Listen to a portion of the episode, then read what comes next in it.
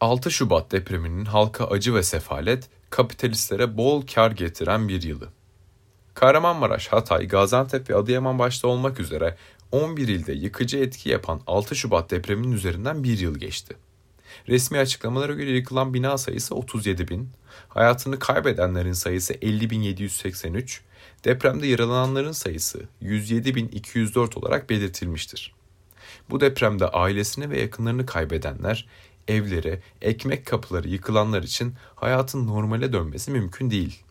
Ancak bu bir yıl içinde depremin yaralarının sarılması için yapılması gerekenlerin ve yapılabileceklerin de halen uzağındayız. Kapitalistlerin ve istibdadın yargısı katillerden hesap sormuyor. Katliama dönüşen depremde sorumluluğu olan müteahhit ve yapı sorumluları arasında 323 kişi tutuklandı. Ancak bir yıl dolmadan pek çok tahliye kararı da geldi.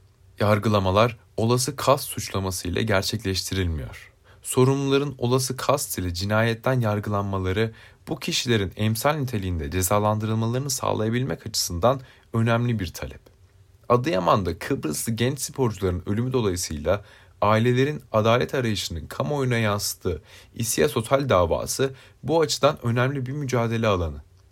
Ayrıca deprem ile ilgili görülen yargılamalarda alışa geldiği üzere izin ve denetimlerden sorumlu yöneticiler hakkında ve enkaz kaldırma ve arama kurtarma konusunda ihmal olanlar yargılanmıyor.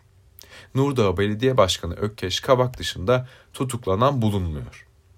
Kalıcı konutlar inşa edilmedi, çadır ve konteyner kentleri sel götürdü. Hükümet daha insanlarımız enkazın altındayken yeni konutların inşasına dair projeleri açıklamaya başlamıştı. Bir yıl içinde büyük bir kısmının teslim edileceği söylendi. Ancak bir yıl boyunca sürekli teslim tarihi açıklayan iktidar bir türlü konutları bitirip teslim etmedi. Yeni konutlar bir yana konteyner ve çadır kentlerde en temel yaşam koşulları dahi sağlanamadı.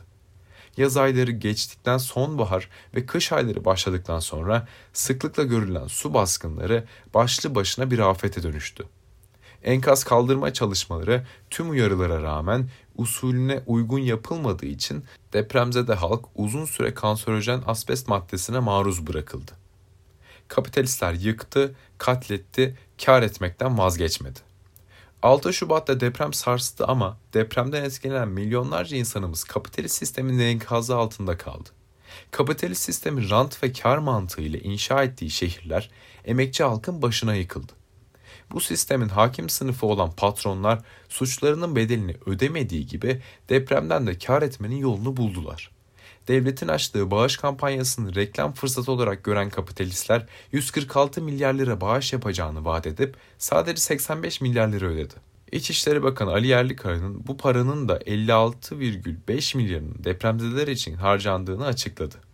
Geri kalan paranın akıbeti meçhul. Deprem sabahı borsada kağıtları tavan yapan inşaat ve çimento şirketleri bir yıl boyunca karlarını katlamaya devam etti. Örneğin daha yıl bitmeden Nuh Çimento karlarını iki katına çıkardığını, Oyak Çimento'da net karını iki buçuk kat arttırdığını borsaya bildiriyordu. Depremden yerli ve yabancı para babaları da kar etti. Devlet bütçesinden 2023 yılında 762 milyar lira deprem için harcandı. 2024 bütçesinde 1 trilyon lira ayrıldı. Devletin kaynaklarının deprem öncelik verilerek harcanmasına kimsenin itirazı olamaz. Ama devletin önceliği deprem ve depremzede olmadı. 2024'te bütçenin önceliği 1,2 trilyon lira ile yine faiz oldu. Deprem sarstı, sistem yıktı, sistemi yıkmadan ayağa kalkamayız.'' Depremin bir yılı bize felaketin depremden çok insan hayatını değil rant ve karı öne çıkaran kapitalist sistemden geldiğini gösterdi. Bu deprem ne ilkti ne de son olacak.